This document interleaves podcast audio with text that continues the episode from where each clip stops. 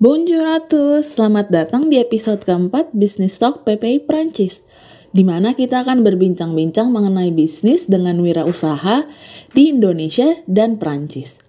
Hari ini kita kedatangan tamu dari asli Indonesian. Halo Karian, apa kabar? Halo Vanessa, uh, baik. Halo semua, apa kabar? Halo Kak, uh, mungkin bisa ceritain uh, asli Indonesia nih tentang latar belakangnya gitu. Oke, boleh boleh banget boleh banget. Halo, uh, halo semuanya, uh, jadi gini nih, uh, gue mau cerita awal mulanya asli Indonesia nih tercipta tuh gimana ya. Awal mulanya tuh, uh, tahun 2015 baru awal-awal nyampe di Bordeaux, gue lihat di dekat rumah gue tuh ada pasar. Mhm. Pasarnya nih terkenal di sini namanya Marché de Capusang. Terus, uh, gue sama istri gue tuh, uh, pengen banget jualan di situ.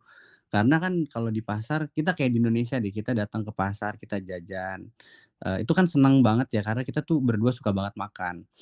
Cuman, eee, berjalannya waktu tuh gue cari-cari tahu ternyata kalau misalkan dengan visa étudiant kita tuh nggak bisa bikin, eee, usaha kayak gitu, biarpun cuman mau jualan di pasar. Kalau Oh. misalkan heeh, jadi gitu. Jadi, eee, jadi ini mungkin ak nanti gue akan bagi-bagi tips-tips, eee, untuk para-para student nih yang mau bikin usaha mungkin nanti mau mau gue share juga sedikit-sedikit ya. Oke oke, Jadi boleh gini banget. heeh, jadi gini, eee, waktu itu tuh gue nanya-nanya, "Kalau gue pakai visa student, gue boleh nggak jualan?" Gitu. Karena kan, eee, ya namanya juga kita student ya, duitnya terbatas pada itu pada Mhm. saat itu. Jadi pengen cari cara gimana supaya dapat, eee, sampingan. Terus gue cari-cari tahu, ternyata dengan visa student nggak bisa, terus gue datang waktu pertama itu ke Chambre de Commerce. Terus dari Chambre de Commerce dia tanya, "Bisnisnya mau apa?" Pertama-tama. Gue mau jualan makanan. Terus dia bilang, "Oh kalau jualan makanan bukan ke sini tempatnya." "Oh gitu, jadi ke mana?" "Oke, lo bisa ke Chambre de Métiers et Artisanat," dibilang kayak begitu. Oke, gue datang ke sana kan. Datang ke sana, terus dia tanya, "Kamu bikin bisnis apa? Makanan Indonesia." Terus dia bilang, "Kamu visanya apa?" "Oh, saya student." Terus dibalikin sama dia, "Kamu datang datang ke Prancis tuh awal awalnya tuh mau ngapain?" "Ya saya mau belajar." Terus dia bilang, eee, "Kalau misalkan kayak begitu, kamu selesaiin dulu aja sekolah kamu, habis itu kalau udah selesai kamu balik lagi ke saya." "Oh gitu? Jadi saya nggak bisa nih? Kan saya cuma mau jualan di pasar aja, Bu," gitu. Dia bilang, "Nggak bisa nggak bisa, kalau misalkan emang mau student musti selesaiin dulu gitu, eee, Oh. sekolahnya." "Oh gitu, oke." Sudah, akhirnya, eee, biarpun nggak bisa jualan di pasar, tapi kita waktu itu bikin Instagram karena kan kita mikir ya di di Indonesia tuh Instagram kayak lu mau jualan apa, jualannya di Instagram gitu kan. Iya, bener Eee, banget. terus gue mikir, "Wah bisa kayaknya di sini jualan di Instagram." Cuman kan orang Prancis ternyata mereka tuh nggak nggak nggak apa ya, nggak nggak nggak gunain Instagram tuh buat buat jualan. Mereka tuh lebih ke blog personalnya mereka gitu kan. Jadi pada Oke. saat itu, eee, nggak nggak begitu jalan-jalan banget, eee, jualan lewat Instagram. Cuman ya tetep kita masukin foto, terus kalau ada orang Prancis mau ya boleh. Cuman lebih ke arah jualannya tuh ke dari mulut ke mulut aja sih. Kita punya temen orang Indonesia, terus punya temen orang Prancis, ya udah akhirnya dari situ-situ aja jualannya, gitu. Itu awal mulanya. Terus, eee, apalagi nih? Oh ya, Tapi gue itu gue tep eh, ya boleh boleh. ta Gimana? tapi itu berarti tetep udah mulai jualannya dari 2015 gitu ya? Walaupun Iya, kata orang de Commerce-nya kayak, "Oh jangan dulu, suruh selesaiin kuliah dulu." iya iya iya. Oh, berarti tetep Gitu. ditujukannya ke orang Indonesia dulu nih yang jual, terus kayak Iya. mulut ke teman Prancisnya gitu. Iya, lebih ke arah seperti itu awalnya. Mhm. Terus, eee, sini sini sini. Enggak, ini ada bini gue dateng. Jadi ini gue kan gue berdua sama bini gue ya, terus ya udah tapi karena kita lagi ngurusin anak jadi udah dia dulu dia ngurusin anak dulu ya. Jadi nih, mmm, nah gue sebenarnya mau cerita banyak sih, eee, kesulitannya, terus gimana cara-caranya, nanti gue mau bagi-bagi semuanya ke anak-anak Indonesia di sini deh, supaya supaya Iya Kak, mereka boleh bisa banget supaya mereka boleh bisa banget. usaha dan bisa mengenalkan produk-produk Indonesia gitu. Oke, terus, eee, lanjut akhirnya gue sekolah, gue selesain master gue, gue selesai master sebenarnya gini, gue tuh selesai master tahun 2019. Mhm. 19 tuh gue udah selesai. Cuman pada saat itu gue cari-cari kerja, gue belum dapet, eee, akhirnya di tahun 2020 kan kita pandemi tuh. Iya. Kita pandemi, habis itu itu gue udah pakai visa APS, di pandemi itu. Nah, Oh. ternyata di visa APS itu, kalau misalnya kita sudah selesai eee, studi studi kita, lu Mhm. tuh nanti di dikasih kayak, eee, kesempatan gitu untuk cari pekerjaan atau bikin usaha. Kalau di case gue begitu ya, gue tuh boleh bikin usaha. Oke. Oke oke, udah kan, terus gue jadi sampai pertengahan Juli no, Juni gitu gue lihat, wah gue belum dapat-dapat pekerjaan nih, sedangkan visa APS gue habis di bulan Desember. Oh. Gue berhitung kalau misalkan gue nggak dapat pekerjaan sekarang, wah bakal sulit nih. Untuk interview aja nggak ada pada saat itu. Oke deh, coba gimana caranya kalau misalkan kita realisasiin ide waktu itu bisnis yang makanan Indonesia. Di situ gue mulai cari-cari tahu lagi, eee, salah satunya lewat pengacara. Jadi di sini kan ada asosiasi pengacara yang gratis tuh. Jadi gue Iya. coba datang ke sana, cari tahu, bisa nggak kalau misalkan gue visa gue nih APS, terus gue mau bikin usaha, terus bisa Mhm. nggak, eee, gue bisa stay di sini? Mereka bilangnya gini, "Kalau lu mau stay di sini, boleh, bisa.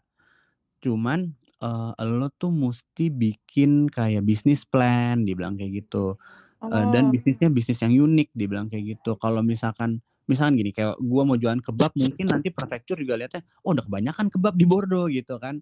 Terus dan gue juga bukan orang misalkan, eee, Turki atau dari Iya. yang asal makanan itu, eee, bera berada datang kan. Nah terus akhirnya, eee, dia bilang, "Enggak, gue makanan makanan Indonesia kok." Oh kalau makanan Indonesia ya mungkin bisa diperhitungkan sama prefekturnya. Oh oke. Terus akhirnya, eee, dia bilang musti bikin business plan, terus dia bilang, "Di pengajuan visa lo nanti lo juga bikin surat, di situ lo bilang, lo ceritain parkour lo tuh gimana, pertama kali datang ke Perancis sampai akhirnya lo selesai itu kayak gimana." Oke, udah cari-cari tahu, udah selesai nih. Pokoknya pasti untuk, eee, awal-awal tuh pasti bingung banget. Lo pasti pada Oh. bingung banget, lo musti ke mana kan kita nggak tahu ya di sini tuh, Iya, mau nggak ada infonya. nggak ada infonya, bingung. Apalagi kita kan, eee, orang apa ya, bukan bukan orang sini gitu, yang orang Iya. sini aja bingung apalagi bukan orang sini. Bukan Terus warga akhirnya lokal. heeh, jadi akhirnya, eee, setelah cari-cari tahu ke beberapa pengacara, asosiasi, semuanya gratis ya. Pokoknya kalian semua yang dengerin ini, cari yang gratis. Oke, Itu siap. di di Perancis tuh banyak yang gratis. Asosiasi, eee, untuk, eee, kayak pengacara tuh banyak yang gratis, cari-cari tahu, pasti ada di kota-kota kalian. Terus akhirnya gue balik lagi ke Champ de Metiers. Oh, Nah ujung-ujungnya tetap ke situ berarti iya ya? tetap ke situ, karena untuk apa, karena lo untuk bikin usaha musti ke situ dulu. Kayak lo Berarti itu bikin semacam kayak pendataan legalnya gitu ya? Iya iya bener, daftar perusahaan Oh. lo gitu. Kayak lo bikin PT di Indonesia, kayak gitulah. Lo musti Oke. create your in ini, eee, enterprise-nya gitu di Jadi situ. walaupun kecil-kecilan tetap harus ke Harus si itu? harus. Oalah. Lo mau jadi gini, nanti di situ tuh lo ditanya juga, "Lo ini mau bikin usaha modelnya kayak apa?" Nanti tuh ada lagi, ribet deh kayaknya. Kalau misalnya mau Oh. dijabarin satu-satu, tapi akhirnya gue bilang, "Enggak, gue tuh mau bikin usaha gue untuk sendiri." "Oh oke, Mhm. sendiri. Jadi lo nggak mau join sama siapa, associate sama siapa?" "Enggak." "Oke, nanti kalau associate entar lo ada lagi tingkatannya." Kayak gini, Wow. kalau untuk awal-awal tuh misalkan gue karena gue sendiri, jadi namanya tuh auto entrepreneur. Jadi karena gue sendiri, Mmm. gue nggak punya, eee, bawahan atau apa, jadi auto entrepreneur atau micro entrepreneur gue lupa deh. Ya itu sama aja, micro sama auto entrepreneur itu sama. Setelah itu kalau lo misalkan lo join sama temen lo, itu entar lo bisa naik naikin ini lo, apa namanya, eee, status, eee, juridiknya ya kalau nggak salah. Kayak misalkan SARL atau apa gitu, lo pernah lihat nggak sih kalau SAS, SARL di perusahaan-perusahaan, pernah nggak lo lihat, Vanessa? Kagak, Kak. Nggak pernah lihat ya? Nah, Belum. oke oke pokoknya kayak begitu. Jadi, mmm, akhirnya, eee, singkat cerita gue daftar ke Champ de Metiers, terus gue bilang, "Gue punya visa ini, eee, APS sama untuk create enterprise, bisa nggak untuk daftar?" Dia lihat, "Oh iya kamu punya hak kok nih, bisa di sini." "Oh bener? Bener? Oh ya udah oke." Terus nih, kisi-kisinya satu lagi, kalau misalkan Mhm. dia tawarin, lo mau bayar untuk dibantuin atau enggak, terima aja. karena pada saat itu gue kalau nggak salah gue bayar 55 euro jadi langsung dibikinin sama dia langsung jadi pada saat itu perusahaannya atau Wow. kalau lo mau nggak ribet lo eh, kalau lo mau ribet sedikit lo bikin sendiri lo nanti masukin datanya tapi lo nggak bayar Oh. itu free. Nah, sedangkan pada saat itu gue mikir, aduh gue ribet banget ya kayak kalau Iya. untuk bikin sendiri gini, udah 55 euro gue bayar deh gitu gue bilang. Udah akhirnya saat itu jadi terus dia bilang, "Saya udah bisa mulai jualan nih." Ya udah kalau misalkan kamu mau udah bisa jualan. Eh tapi dia bilang gini, "Ini karena lagi pandemi gini, seharusnya kamu tuh bikin eh, eh, bikin apa namanya? harus ikut formasi eh, ini higienis." Dia bilang gitu. Oh. Heeh. Tapi karena ini lagi kayak begini, kamu boleh jualan dulu, abis itu eh, formasi higienisnya tuh nanti di belakangan. Oh gitu. Dan itu juga juga cuman via Zoom gitu. Terus gue bilang sama dia, Oh. ah kalau gitu gue ini dulu deh, eh, ambil formasinya dulu, abis itu baru jualan gitu. Nah terus abis eh, formasi gitu, apalagi mesti lo ikutin tahap-tahap selanjutnya. Kan gue mau jualan di ini nih, eh, di pasar nih kalau gue nih, kalau Iya. kasusnya gue nih. Gue mau jualan di pasar, gue hubungin pihak pasarnya. Pihak pasar gue bilang gue mau jualan di tempat lo. Itu ini tapi ini pasarnya pasar prive ya, bukan pasarnya si gu- pemerintah Prancis. Jadi ini emang Oh. eh, salah satu pasar eh, yang emang dikelola sama prive di sini. Jadi gue langsung telepon ke kantornya, gue bilang gue mau jualan di pasar lo, bisa apa enggak? Dia bilang, oke bisa. Lo udah punya data-datanya belum? Oh ya, ditanya data-datanya apa?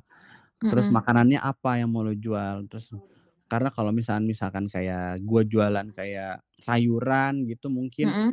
eh mungkin bisa aja gue ditolak karena sudah banyak yang jualan sayuran di situ. Oh, iya juga sih. Terus akhirnya gue bilang gue mau jualan makanan Indonesia. Oh, makanan Indonesia kayak nem-nem gitu ya? Ya kayak nem, kayak benye gitulah gue bilang. Oh iya iya iya boleh boleh boleh kayak gitu.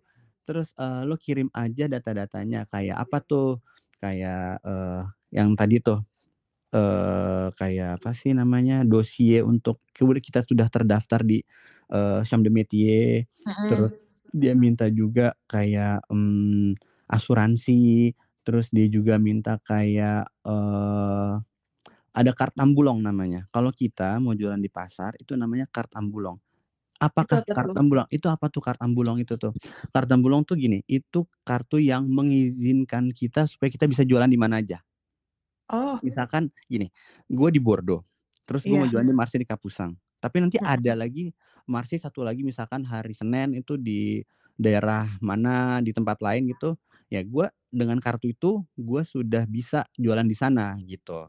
Tapi itu Dengan hanya kartu untuk marché privé atau kayak yang Enggak, dari itu untuk semuanya, untuk semuanya, publik, prive boleh. Kalau udah Hmm. udah punya kart Dambulong boleh. Dan gue rasa kalau misalkan udah punya kart Dambulong nih kalau nggak salah ya itu bisa misalkan gue di Bordeaux terus gue pindah ke kota ke mana gitu, kayaknya bisa dengan kart Dambulong Oh. gitu. Jadi ini yang mengizinkan mengizinkan kita untuk jualan di mana aja gitu. Hmm. Udah, terus habis itu gua min gua kasih semuanya. Ya udah habis itu dia bilang, "Oke, kalau kamu mau jualan di sini, kamu tinggal datang aja." Oh gitu. Kan gua nggak ngerti apa-apa ya pertama kali jualan, Iya. gue mesti ngapain nih? Gue bingung terus eh, terus gue mesti bawa apa gitu. Dia bilang, "Lo Mm-mm. mesti bawa tenda." Dia bilang gitu yang pasti karena lo bakal di luar, dia bilang gitu. Oh, oke, berarti gue mesti apa nih? Beli tenda, terus beli beli meja, ya Mm-mm. semua keperluan Beli pasar kontainer. heeh, kontainer segala macam gue beli. Terus habis itu kalau misalnya gue udah bawa itu semua gimana? Lo tinggal datang jam 7 kurang 15 di pasar nanti ada plasiernya yang eh plasernya itu yang bakal eh, ngasih tahu lo bakal di sini, di sini, di sini, di sini gitu. Ya udah jadi kita cuma nunggu dan 7 kurang 15 itu datang ketemu sama yang bakal nempatin kita, terus Mm-mm. perkenalkan diri dulu pastinya, terus ya udah nanti ditaruh sama dia.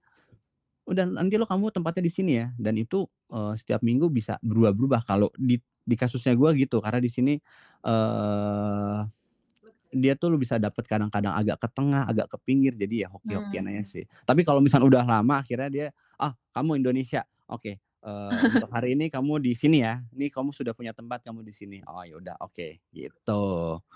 Jadi Terus ikutin aja lah rules-nya kayak dia. Ya gimana yang eh, apa yang antara karya nelpon ke yang organis organisir pasar itu Mhm. sampai kalian bisa jualan di pasar itu, itu lama nggak durasinya? Kayak itu semua dilakukan secara telepon atau kayak kalian harus datang ke orangnya itu? Sebenarnya by phone juga boleh. Jadi waktu itu pertama kali gue tuh gue telepon orang pasarnya, gue bilang gue mau daftar, akhirnya gue ki habis gue bilang gue mau daftar, dia bilang, "Kirim lewat email." Terus dia bilang, "Kalau misalkan dosienya oke," dia bilang, "Oke." Terus dia bilang, "Lo mau datang hari apa?" Dia dia nanya gitu ke gue, gue bilang, "Gue mau datang hari Sabtu Minggu." Ya udah misalkan gini ya, hari Senin gue kirim semua data-datanya, terus gue bilang, "Gue mau datang hari Sabtu Minggu ini." Setelah dia lihat, "Oke, lo bisa datang hari Sabtu Minggu nih." Jadi durasi cuma seminggu. Nggak nggak lama kok, cuman seminggu, cepet. Berarti nggak dipersulit gitu ya? Enggak enggak enggak enggak. Asal dokumen lo lengkap, mereka Mhm. nggak mempersulit sama sekali kok. Kecuali kalau Mhm. misalkan lo mau di pasar, eee, publik. Nah itu lo musti ngedaftar dulu Alameri gitu. Lo daftar di Alameri, terus nanti dia, eee, di di ini dulu, dipelajarin dulu, terus itu lama sih kalau misalkan itu. Gue pernah pernah pernah ditolak gue minta minta minta tempat di salah satu pasar dekat Bordeaux sini, dia bilang, eee, "Aduh kita udah nggak punya tempat."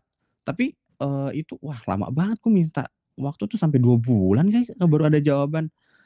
Jadi, eee, emang sih kalau misalkan lo datang ke pasar situ, itu pasarnya rame rame banget dan, eee, pembia dan bayarnya pun lebih murah. Oh iya, nih, untuk untuk biaya untuk biaya lo, eee, jualan di pasar, biaya sewanya untuk di kasus gue itu per hari gue bayar €14. empat Per belas hari, euro per hari per hari. Itu udah termasuk listrik. Wow. Tapi kalau listrik lo lebih kecil, ini karena gue make beberapa Apare ya. Mhm. gue pakai, eee, apa, penggorengan, terus gue pakai buat kompor, terus gue pakai buat nasi.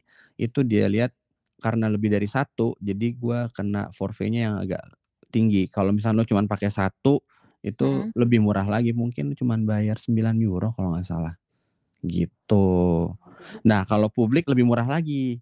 Itu kalau nggak salah kalau nggak salah ya, publik tuh kayak cuman berapa ya, €10 apa per bulan? Nggak tahu ya, itu gue belum tahu ya. Kayak kayak pastinya lebih murah. Itu musti cari tahu lagi, gitu. Tapi berarti, eee, pasar publik sama prive ini selain dari biayanya sama jumlah tenants-nya ya yang lebih banyak berarti kalau yang dari publik? Kalau yang di publik, eee, nggak nggak juga sih ya, tergantung pasarnya di mana. Karena ada juga yang, eee, di sini salah satunya di pasar Begle, itu nggak banyak tenant-nya. Jadi ya Mmm. tergantung besar pasarnya aja sih sebenarnya, gitu. Oke Dan di oke. yang kebetulan yang prive di sini itu pasarnya lumayan besar dan, eee, salah satu pasar yang, eee, apa namanya, di Bordeaux tuh orang-orang kenal. Kalau nggak sebelum pandemi, kalau turis datang nyender di dermaganya Bordeaux nih, biasanya dibawa ke sini sama tour guide-nya gitu. Jadi Oh, ya. heeh, gitu. Berarti ini mulai Gitu. jualannya, Kak, pas Ah. pandemi ya?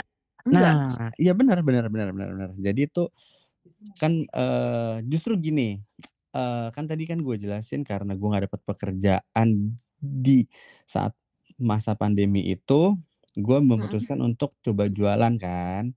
Nah, jadi tuh gue mulai jualannya bener banget pas masa pandemi, tengah-tengah pandemi malah, di bulan Agustus gue mulai jualan. Oh. Sebenarnya, eee, buat buat perusahaannya itu tuh udah dari bulan Juni sebenarnya. Dari bulan Juni gue Oke. udah bikin, cuman kan musti persiapan kayak gue beli-beli peralatannya, terus gue ikut Mhm. formasyongnya.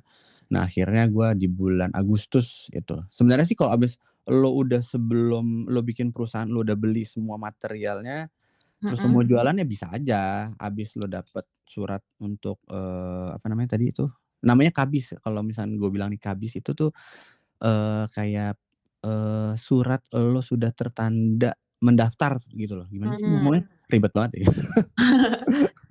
Iya O namanya oke pokoknya gue bilang oke. KBIS lah. KBIS itu setelah lo dapet si KBIS ini, lo bisa aja langsung jualan. Cuman kan waktu itu gue belum beli peralatannya, gitu. Mhm.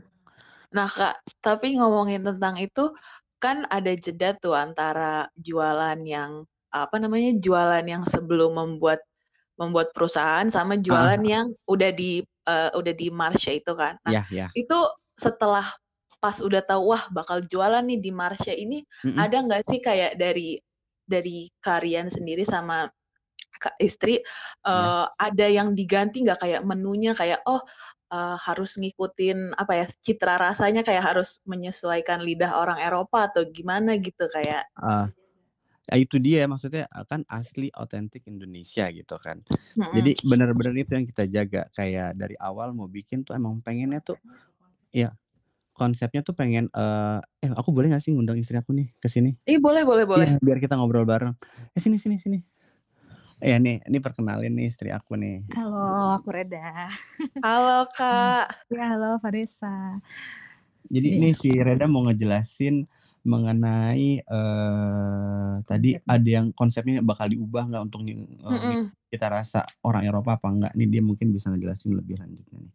Ya, jadi, eee, waktu dari awal kita bikin, aku tuh udah bikin kayak proposal kecil-kecilan lah buat kita sendiri ya, dari mulai visi misi sendiri eh, visi misi, eee, Mhm. konsepnya dan emang terus target pasar kita, gitu-gitulah ya, standar. Jadi, eee, aku sama Rian tuh berdua, eee, pengennya yang bener-bener nama ini sesuai sama konsep dari makanan kita gitu, yaitu otentik gitu kan. Nah, Mhm. sedangkan orang sini kan ya kita mempelajari sih gini, karena kita target pasarnya orang Prancis bukan orang Indonesia, yang makanan orang Prancis itu kan biasanya nggak mau spicy ya, nggak mau pedes. Iya, bener. Jadi akhirnya kita mencari makanan yang netral gitu loh, kayak semacam yang kita pertama kali mau kenalin banget tuh risol ya. Iya, risol.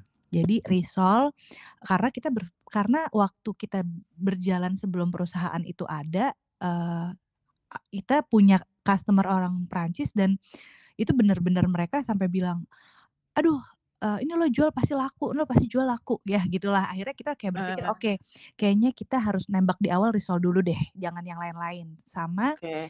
Untuk makanan beratnya ke rendang aja, karena rendang kan memang udah cukup dikenal ya. Iya. Nah, terus akhirnya kita berpikir rendang kalau di Indonesia kan, sp agak pedes.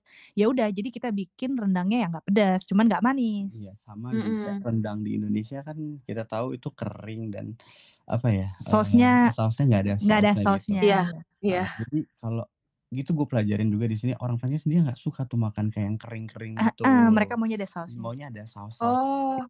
heeh, jadi kita Kalau kita bilang kalio. nah, kalau Oh, iya iya. itu kalio, jadi kita Heeh. bilangnya nih sebenarnya kalau orang Indonesia lihat nih bukan rendang, Rendang. kalio.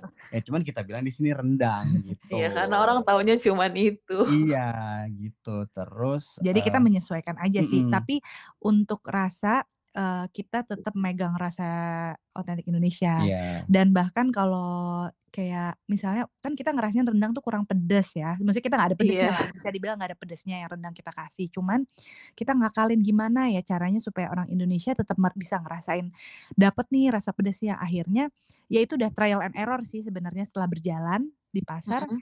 eee, kita iseng kebetulan kan abang ini keturunan Gorontalo. Mhm. Dia suka orang Sulawesi suka bikin dabu-dabu, sambal dabu-dabu Iya. gitu kan. Nah, akhirnya kita coba aja iseng gitu. So far selama ini kalau kita ada tamu datang, kita selalu nyuguhin dabu-dabu gitu di rumah. Terus Mhm. iseng cob terus kita nyoba makan rendang pakai dabu-dabu gimana nih gitu, dapet gak gitu rasa yang pasnya. Ternyata Mhm. ini banget, sejiwa banget Iya, ya. cocok banget ternyata. Ternyata cocok banget, terus ya udah akhirnya kita coba jualan, eee, setiap rendang kita selalu menyuguhkan pakai sambal dabu-dabu. Dan surprisely orang Prancis Apa? ka suka Mhm, ya. iya. Oh. Yes, Mereka Berarti sangat dipisah berarti gitu ya? Iya, dipisah dan mereka sampai kayak kadang-kadang ada yang n nge-notes gitu, "Jangan jangan lupa ya sa itunya ya, itu sambal tomat kamu itu ya, jangan lupa ya sambal Mmm. tomat kamu." Iya iya iya iya, Iya. sampai kadang-kadang ada tuh si kakek-kakek dia bilang, dia cuman beli, apa namanya, Risol, beli risol, tapi dia dia minta dabu-dabunya. "Saya mau itu sambelnya." "Oh ya boleh boleh boleh." Ya jadi tetap jaga sih intinya. Iya tetap jaga, Oke. eee, cita rasa Indonesianya Dan gitu menunya sih. kita menunya akhirnya kita tambah, Iya, ya. akhirnya menunya kita tambah. Jadi gini, sebenarnya tuh dulu sempet juga bikin kayak, Wok ya, ayam nah ayam oh, ayam enggak. geprek gitu, cuman itu Nah, Eee, itu. ternyata, eee, ya tahu sendiri dong kalau ayam geprek lu makan cabe di sini orang Prancis mati kan. Nggak mau, Nggak iya. mungkin dia makan begitu. Jadi ya Nggak kayak nggak bisa, nggak pedes bisa, banget. bukan itu, eee, yang dicari sama orang Prancis gitu. Jadi kayak nggak mungkin, akhirnya kita coba-coba kayak mau jualan oh ya sama tadi, eee, gua mau coba jualan apa waktu itu, eee Ma apa, dadar gulung. ayam kremes ayam kremes. Oh enggak, Nah, memang ya. kita masih berjualan Kita ayam masih goreng jualan sih, kremes. cuman Jadi Kok kita punya 2 di menu. heeh, punya 2 menu. Kalau Mhm. satu menu untuk Di pasar orang khusus Indonesia dan di kayak pasar. dan di pasar, satu lagi menu, eee, ya di pasar. Karena kalau di pasar waktu itu kita Menu pernah di da coba, yang dari luar pasar. coba coba jualan apa namanya, ayam ayam kremes. Mereka Ya suka. mereka suka sih, suka. Cuman Mhm. Mereka butuh pada sausnya. pada akhirnya mereka lihat ini ini Kering kering banget. banget ini. Oh. Heeh, biarpun kita kasih saus, eee, sambal terasi, cuman tetep Heeh. aja kan Oh mereka mereka nggak ngerasa suka, nggak nggak nggak terlalu nggak suka nggak sambal begitu suka terasi. sambal terasinya Karena gitu. smell kan. Oh. Ya. Jadinya jadinya ya, wah, eee, kayaknya nih kita iniin aja kali ya, kita tarik untuk di pasar. Jadinya, eee, itu cuman khusus anak-anak yang kalau mau pesen, eee, orang-orang Indonesia aja gitu. Oh. Jadi Jadi kita kayak made by order gitu ya? Iya, Benar, bener made bener by banget. order. Jadi kita kan jualan di pasar cuman Sabtu dan Minggu. Mhm. Eee, Mhm. Rian sih yang jualan di pasar Sabtu dan Minggu, aku kan nggak ikut. Cuman, eee, Senin sampai eh, Selasa sampai Jumat biasanya Senin kita istirahat sih normalnya. Cuman, Mhm. eee, Selasa sampai Jumat itu biasanya kita dapat orderan dari rumah, maksudnya orderan yang di Oh. luar pasar. Jadi yang Oh. heeh, yang kita pakai livraison gitu. Jadi kita nganter eee, dianterin ke lokasinya gitu atau diambil ke daerah ke tempat kita gitu. Tapi itu yang mesen berarti banyak, eee, orang Prancis atau orang Indonesia atau sama-sama aja? Sama-sama aja sih, ada aja Ya ya. tapi sekarang udah mulai udah udah lumayan orang Prancis yang Iya, pesen dulu gitu. awal-awal Oh. kan orang Indonesia enggak enggak, jadi pas sejak di pasar sudah Mmm, mulai dikenal mhm gitu ya. mhm mhm. Sebenarnya awalnya karena dikenalnya karena di Mhm, pasar, karena iya. kalau sebelum di Mhm. pasar ya orang Indonesia doang yang tahu kita. Iya, Iya. benar. Nah, karena kita jualan di pasar, mereka sudah tahu dan setiap beli itu kayak gua kasih, "Nih flyer kalau Heeh. mau pesen dari rumah bisa ya, nanti gua bakal kirim. Terus kalau misalnya di atas, eee, minimum segini entar pengirimannya gratis," kayak Mhm. gitu. Nah, semenjak itu mereka udah mulai-mulai pesen dari rumah gitu. Oh. Iya iya. Iya gitu. Nah Kak, eee, apa sih hambatannya sepanjang pandemi ini? Wah. Pandemi justru waduh kalau untuk awal-awal jualan kan kita tuh emang bener-bener di masa pandemi ya. Iya. Jadi, eee, gua ngerasain justru pas confinement, pas Mhm. confinement yang di bulan Oktober apa Septe no, Oktober. Itu di Bordeaux kan semua tutup, mungkin di semua kota ditutup ya, eee, Mhm. eee, supermarket tapi buka ya kalau nggak salah, cuman toko-toko tutup. Nah, kalau di Bordeaux sendiri, eee, salah satu tempat yang buka itu pasar. Jadi Oh. iya, jadi alhamdulillah pas lagi confinement gua nggak ngerasain ininya, Dampaknya. nggak ngerasain dampaknya. Jadi ya alhamdulillah justru pesanannya itu di pasar Makin makin banyak banyak karena ya. iya, karena mereka, eee, kan nggak ada tempat lain untuk dat didatengin kan, jadi mereka Iya, ke bener. pasar. Jadi datang mereka Hiburannya datangnya ke ke pasar. pasar. Bener bener. Jadi pas di pasar itulah gua bilang sama temen-temen, "Wih, ini kok kita malah pas lagi pasar gini kita malah jadi rame ya?" "Oh ya bagus dong kalau kayak begitu Yan." Soalnya, eee, orang-orang kan mau beli makanan kan ditutup restoran waktu itu. Iya bener Jadi sih. mereka nyari makanannya ya ke pasar, ya udah alhamdulillah gua nggak nggak begitu dapet dampaknya ya. Kecuali gini, Mhm. eee, kita mungkin bukan dari ini ya, bukan dari dampak pandemi ya. Mhm. Karena gini, kita tuh ngerjain semua di rumah, sedangkan kita tuh punya anak 3. Jadi itu tuh lebih ke arah situ sih, kita tuh musti ngatur waktu gimana sambil ngurus anak, terus kita masak, dan gua kan nganterin juga, gua, eee, livre juga gitu. Jadi kadang-kadang Mhm. abis masak terus musti nganter tuh kadang-kadang gua tuh stresnya tuh tinggi banget. Kayak gini loh, "Wah ini jam 12.00 dia pesen, sebelum ini tuh gua udah bikin ini bikin ini bikin ini, dita ditambah anak nangis." Nah, tuh? Nah gimana nih? Jadi Yang biasanya mana dulu? soalnya biasanya umumnya ya kalau orang mesen, eee, di luar hari pasar, itu pesanannya banyak. Jadi Oh. karena mereka mau dapat livrezone gratis kan 25 euro gitu misalnya. Dan Mhm. mereka biasanya kalau orang kantor gitu pesannya mereka mau banyak untuk mereka sharing gitu. Jadi Mmm. Kalau mesen dari rumah itu rata-rata orang pesenannya banyak. Jadi agak kelimpungan kalau dari pesanan yang dari rumah gitu. Dan itu eee, sedangkan sebenarnya menu kita nggak terlalu nggak banyak banget, cuman yang agak ribetan adalah, eee, kita tuh expect-nya mungkin masih pengen tetap makanan itu fresh gitu. Jadi kalau Oh, iya iya.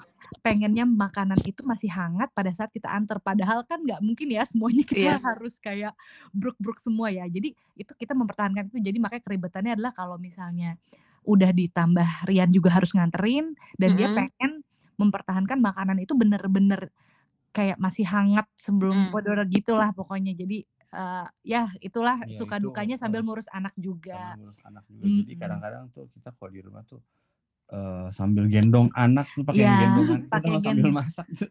Sambil di depan kompor. iya, itu Iya. bener-bener iya.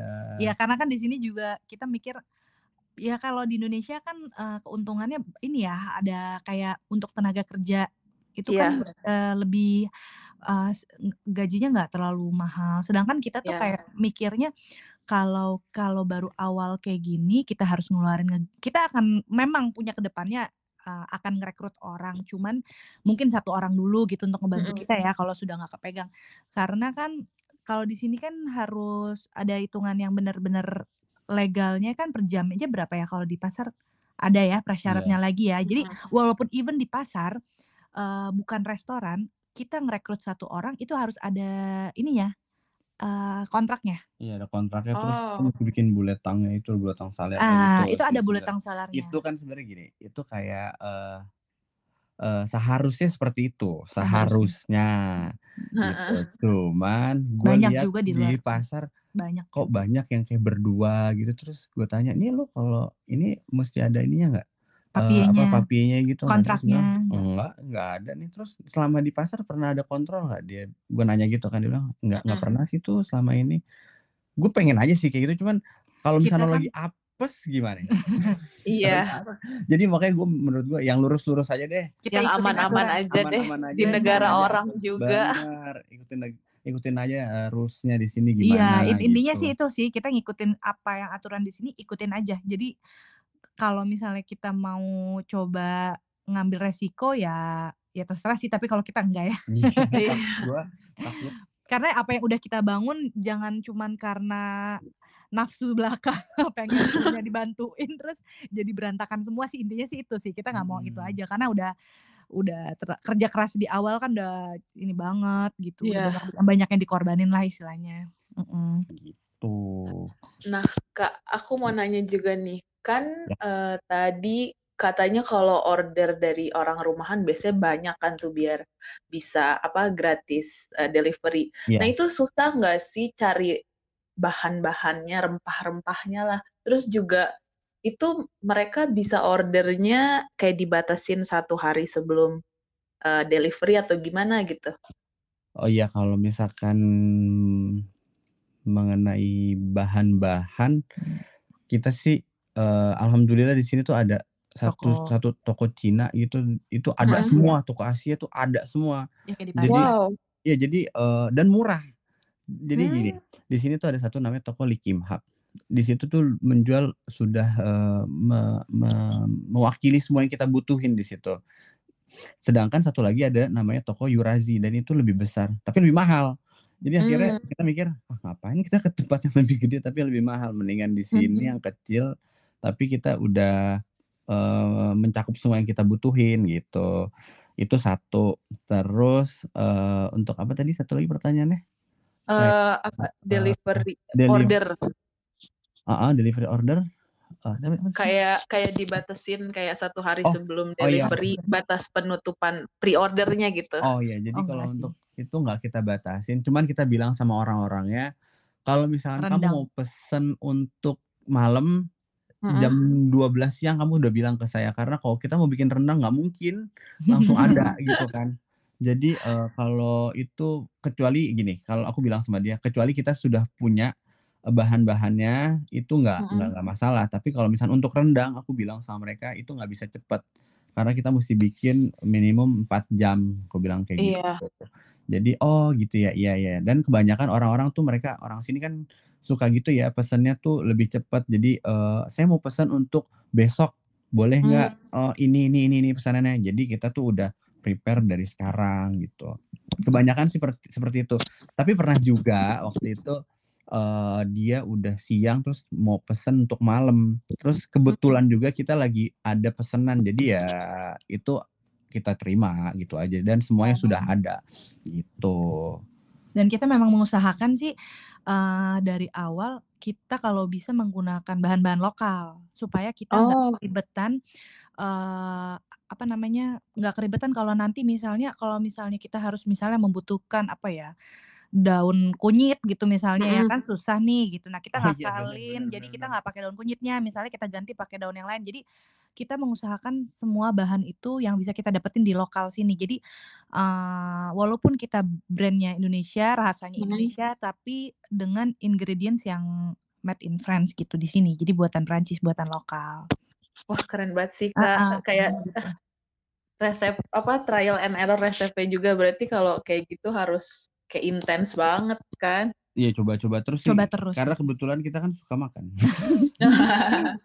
Dan kebetulan kita dan kebetulan kita mungkin keuntungannya kita berdua, eee, orang Indonesia.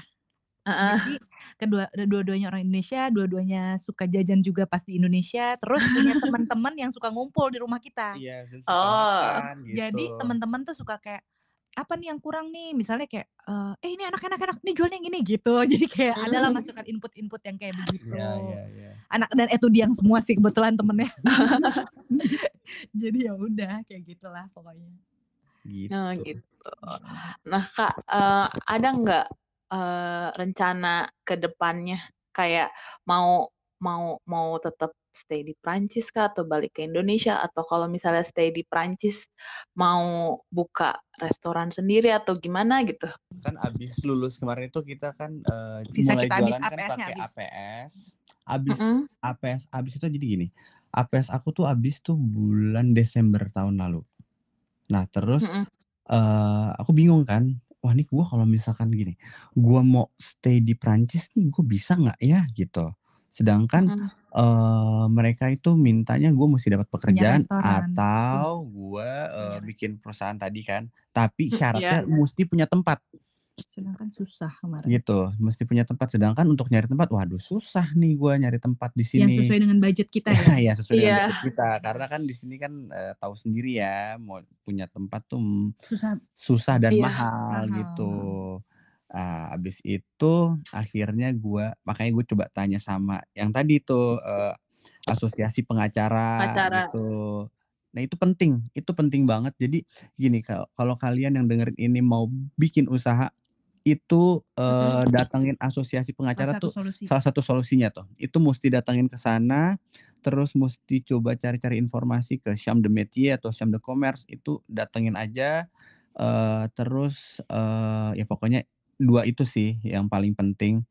Nah terus gua datang ke pengacara, dia bilang, "Oke kalau misalkan lu mau tinggal di sini bisa dengan cara yang tadi tuh bikin business plan, terus, eee, Ngajuin semualah. ngajuin semuanya." Ampo dan lain-lain semua Ya harus itu semuanya musti dilampirkan. dilampirkan. Oh iya juga, penting tuh ampo tuh. Ampo tuh Ampo penting banget. penting tuh. Jadi lu kalau misalkan di sini, eee, lu yang penting lu bayar pajak sih. Iya bayar pajak. bayar pajak. Lu tunjukin aja lu udah udah biarpun nggak banyak, tapi ya udah nih segini yang bayar. dapet gitu. Kita selalu bayar, kita Heeh, selalu segini yang kita Oke. dapet. Nah itu jangan sampai lupa bayar pajak, nanti lu dilihat sama prefekturnya kan pada saat nanti mau memperpanjang atau baru mau buat eee, apa namanya, visa baru ke dari étudiant ke misalkan, Visa eee, visa entrepreneur. entrepreneur gitu, itu pasti bakal dilihat, Iya. gitu. Mmm. Nah jadi, eee, itu si pajak penting banget. Ya udah akhirnya Rian, eee, intinya sih gini, pada saat itu kita berpikirnya gini, kalau nggak dapet visa entrepreneur berarti kita berarti kita harus pulang. Ah iya, pada saat Oke. itu gitu tuh. Kalau karena aku nggak aku dari awal udah bilang, dari awal yang bikin aku bilang proposal itu bisnis plan untuk kita sendiri, aku Mhm. bilang, "Kalau bisnisnya nggak jangka panjang, aku nggak mau." Maksudnya nggak punya future buat apa kita wasting time gitu loh. Jadi Iya. aku maunya kalau memang kita udah dapat izin, terus eh, Rian punya izin ting eh, PR-nya dapat, ya udah Mm-mm. berarti kita bisa lanjut di sini. Tapi kalau PR-nya nggak dapat, kita harus mikirin ah, opsi Mau lain gitu oke. loh. Nah, ah, karena ah, apa yang harus kita kerjain? Apa Rian mau coba cari kerja lagi atau gimana? Pokoknya Mm-mm. itulah gitu. Jadi akhirnya eh, pas visa itu habis, eh, dia eh Rian ngajuin apa? Ngajuin visa Mm-mm. untuk ganti ganti PR kan, untuk ganti yang Ganti eh, status ganti dari status untuk dapat permit eh, permit sini kan, permitnya Mm-mm. bukan etudiant lagi tapi visanya sudah berganti. Ya udah, aku bilang sama Rian, kita kan nggak punya tempat. Wah, udah deh pokoknya galau dong ya. Maksudnya kita nggak kayak orang-orang yang punya restoran walaupun kita punya tempat lokasi di pasar dan alhamdulillahnya orang pasar support Oh iya tuh bagus banget. Jadi mereka bener. ngelampirin surat buat kita. Oh, wow. Iya, jadi Mereka kita bikinin eh, surat, terus eh, mereka bilang apalagi yang lo butuhin dan mereka nawarin mereka bikin pasar satu lagi yang akan Mm. berjalan setelah pandemi ini. Bukan nggak pandemi sih, mungkin bulan Juni mungkin baru berjalan. Mm. mereka udah ngedaftarin kita ke pasar yang satu lagi. Jadi mereka bilang, udah lo udah gua udah- lo butuh apaan buat visa, kasih tahu aja. Jadi akhirnya mereka ngeba- si direktur pasarnya ngirimin surat, eh, apa bantuin bikinin surat di Mm. print. Terus Rian melampirkan itu plus eh, Rian nulis surat eh, kenapa dia bikin usaha Mm-mm. dan pokoknya alasannya kenapa dia bikin usaha ya terus jangka panjangnya apa ya dia nulis Oh surat di iya iya luar benar. bisnis plan Benar-benar. gitu jadi. Itu penting juga tuh. itu penting juga dan kebetulan kita dibantuin sama temen Benar. Jadi Oh. gue bikin kerangkanya terus habis itu dibilang oke ini kata-katanya di diganti diganti ya, di di di sama Diedit-edit lah diedit ya. edit terus wah gue bilang oh ini bagus banget nih kok kayak gini nih. Ya iya nggak apa-apa. Biar bener-bener mereka tahu lo tuh udah udah udah settle di sini gitu. Ya udah dia bagus-bagusin. Udah nih cukup nih segini. Lo mau tambahin apa lagi kan pas gue liat suratnya wah nggak usah nggak usah. Ini udah bagus udah bagus. Akhirnya udah masukin terus aku oh iya bilang sa- satu lupa kelupaan. Pada saat nih eh, nanti eh, teman-teman yang mau bikin bisnis plan itu oh iya. itu tuh gini. Eh gua itu akun. bikinnya tuh sama eh, expert kontab jadi pakai eh, accountant yang bikin. Nah kalau gua waktu itu sempat mikir bisa nggak sih gue bikin sendiri eh, ininya eh, bisnis plannya? Mungkin Hmm. bisa aja ya mungkin bisa aja. Cuman pada saat itu gue didapat masukan dari si itu kalau nggak salah si siapa namanya pengacara lo bikin sama expert kontab nanti biar dia yang bikinin hitungannya dia yang bikinin segala macam Mm. nanti dia bakal lihat eh, wah ini bisnis lo bagus atau enggak? Gitu. Terus ya Oke. udah dari situ dan kalau menurut gua dari situ juga sih tuh nilai plusnya kita ya karena eh prefecture pasti bakal lihat wah ini kita tuh serius mau bikin usahanya gitu. Terus yang bukan ece-ece aja gitu.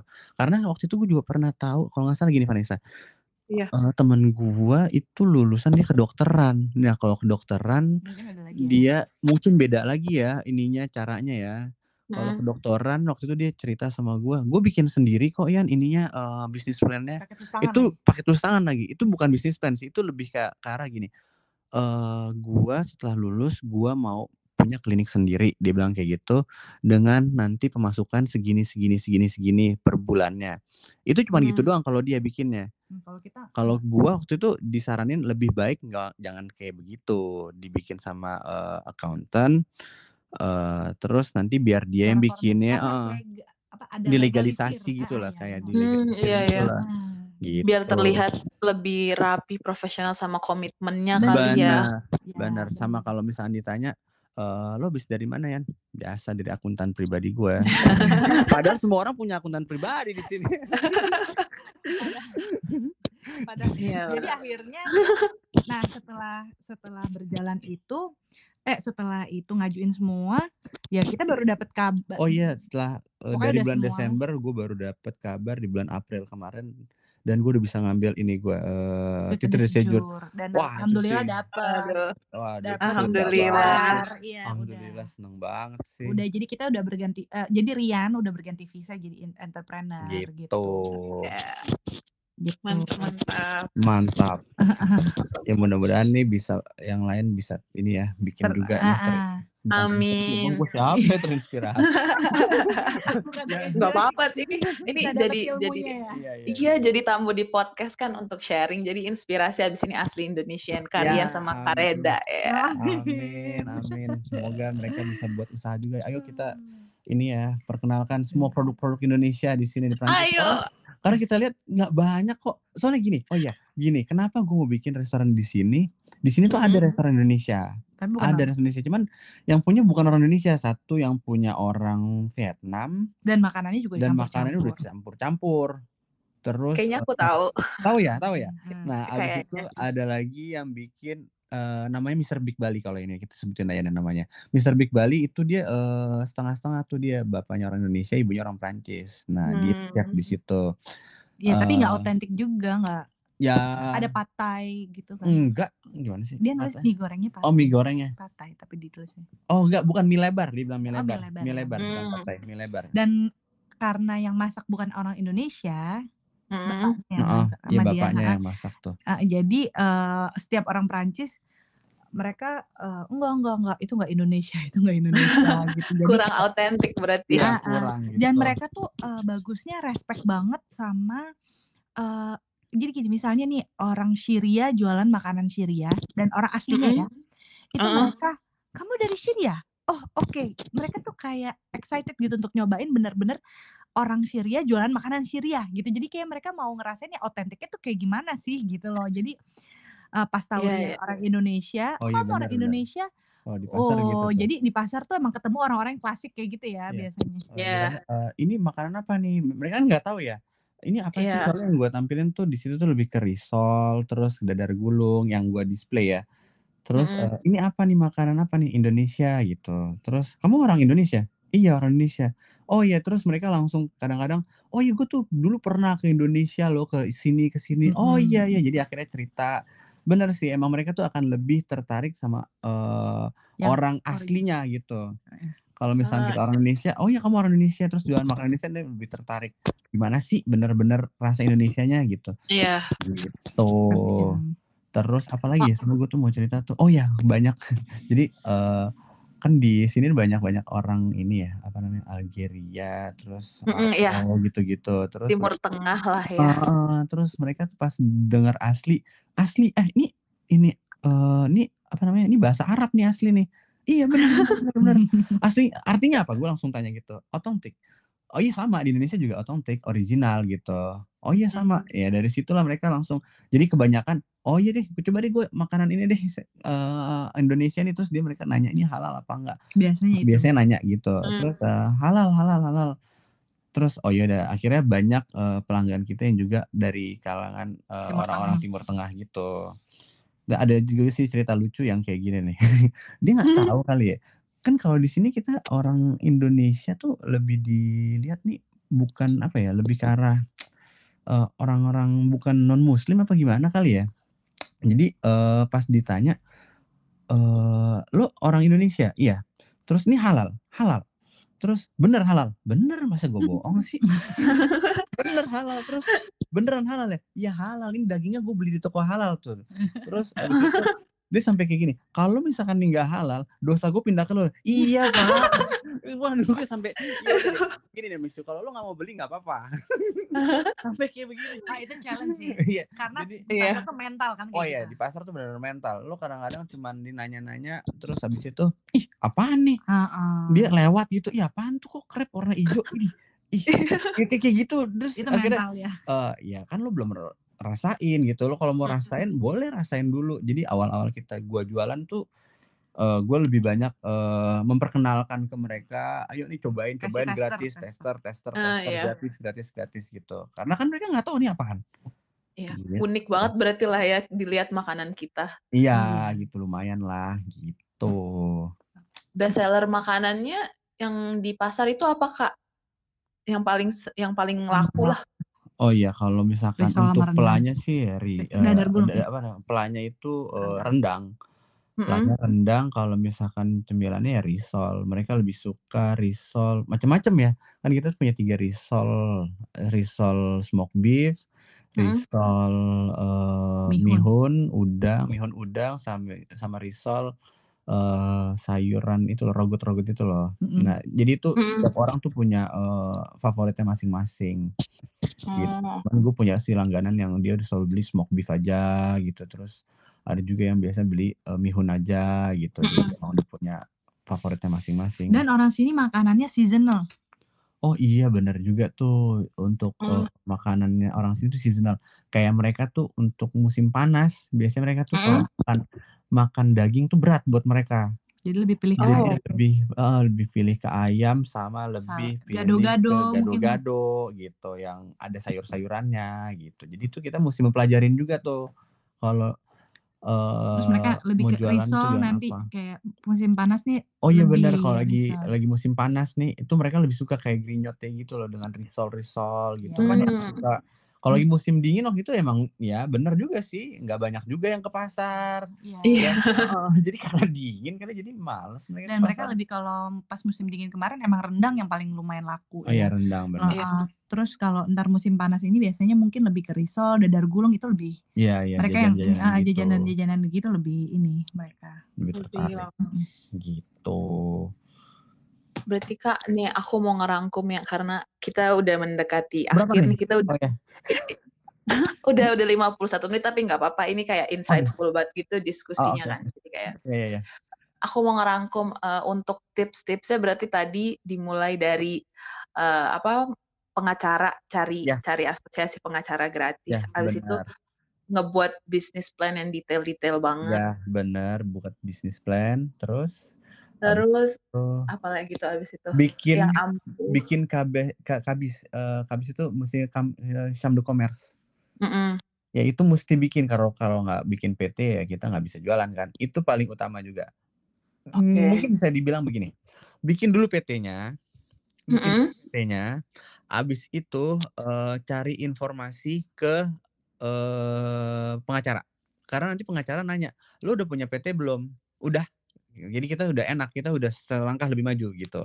Jadi bikin dulu PT-nya, habis itu Mhm. pengacara, habis itu bikin bisnis plan, habis itu, eee, lo kumpulin semua data-data yang mau diajuin ke prefektur untuk memperpanjang visa atau nge ngajuin visa baru, udah itu. Oh, oke. Habis Gitu. itu kita cari tempat atau enggak ke gitu Ya, ya? cari tempatnya Oke. gitu, di marche mana yang kita mau. Tapi kecuali kalau lo udah punya, apa namanya, tempat kayak lokal gitu, yang kayak Mhm. rukonya gitulah, lo mau Iya. itu ya, itu lebih bagus lagi, itu Lebih akan mudah lebih mudah lagi lah untuk prefektur, eee, kayaknya ya, lebih mudah untuk prefektur untuk, eee, Accept. Meng-accept, eee, visa kita gitu. Oke. Gitu. Nih Kak, kalau misalnya aku mau beli makanan minu mi makanan dari asli Indonesian, aku harus menghubungi ke mana terus bisa nemu ini di mana gitu? Oh iya. Promosi promosi. Boleh boleh boleh. Bagi kalian yang mau mesen asli Indonesia ini bisa hubungin Instagram kita atau Facebook kita, nanti Instagram Instagram namanya asli Indonesia eh enggak bukan gitu sih, asli underscore Indonesia. Terus kalau di Facebook kita as Indonesian. Mhm, tuh asli. salah kan gue jadinya. Asli. Gimana sih nih? Asli. Asli underscore Indonesian. Eee, terus kalau nanti di Facebook asli underscore ID gitu. Terus? Terus, eee, bisa juga langsung hubungin ke nomor gua di di Instagram. Bisa langsung hubungin nomor yang Oh, tercantum di direct situ. message juga kan bisa. Direct message juga bisa, gitu. Berarti ini di Bordeaux ya? Berarti nanti kalau aku ke Bordeaux, aku kalau Siap. lagi ada pasar ya aku ke situ pasti Boleh ya. dong. Lo di mana sih? Di? Clermont-Ferrand. Ah, Oh, iya. Clermont-Ferrand. Oke oke oke oke. Ya ya ya ya ya. Di sana ada makanan Indonesia? Nggak ada. Oh, nggak ada? Nggak Ah, ada. iya iya iya iya. Nanti deh kalau misalnya kita main ke ke Clermont-Ferrand terus kita open PO gitu ya, "Ada nggak nih yang Iya. mau pesan?" Gitu ya. Siap. Ya udah, Oke deh. eee, Itu Vanessa. makasih Kak Karian sama Kak Reda Iya. atas waktunya. Ini sharing session-nya itu banget sih, apa, insightful banget, kayak detail banget dari untuk untuk orang yang mau jadi entrepreneur di sini. Iya iya iya, karena gue juga pengen banget sih banyak anak-anak pelajar yang bisa, eee, jadi entrepreneur juga di sini. Ya semoga ini bermanfaat deh Amin kita amin. semua, amin. Mhm. Mhm. Gitu. Oke, terima kasih Kak. Iya, Dadah. Bye bye. Dadah.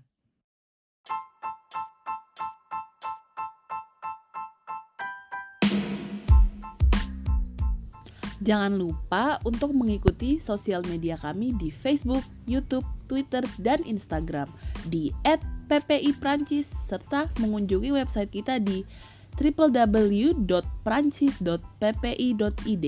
Ciao.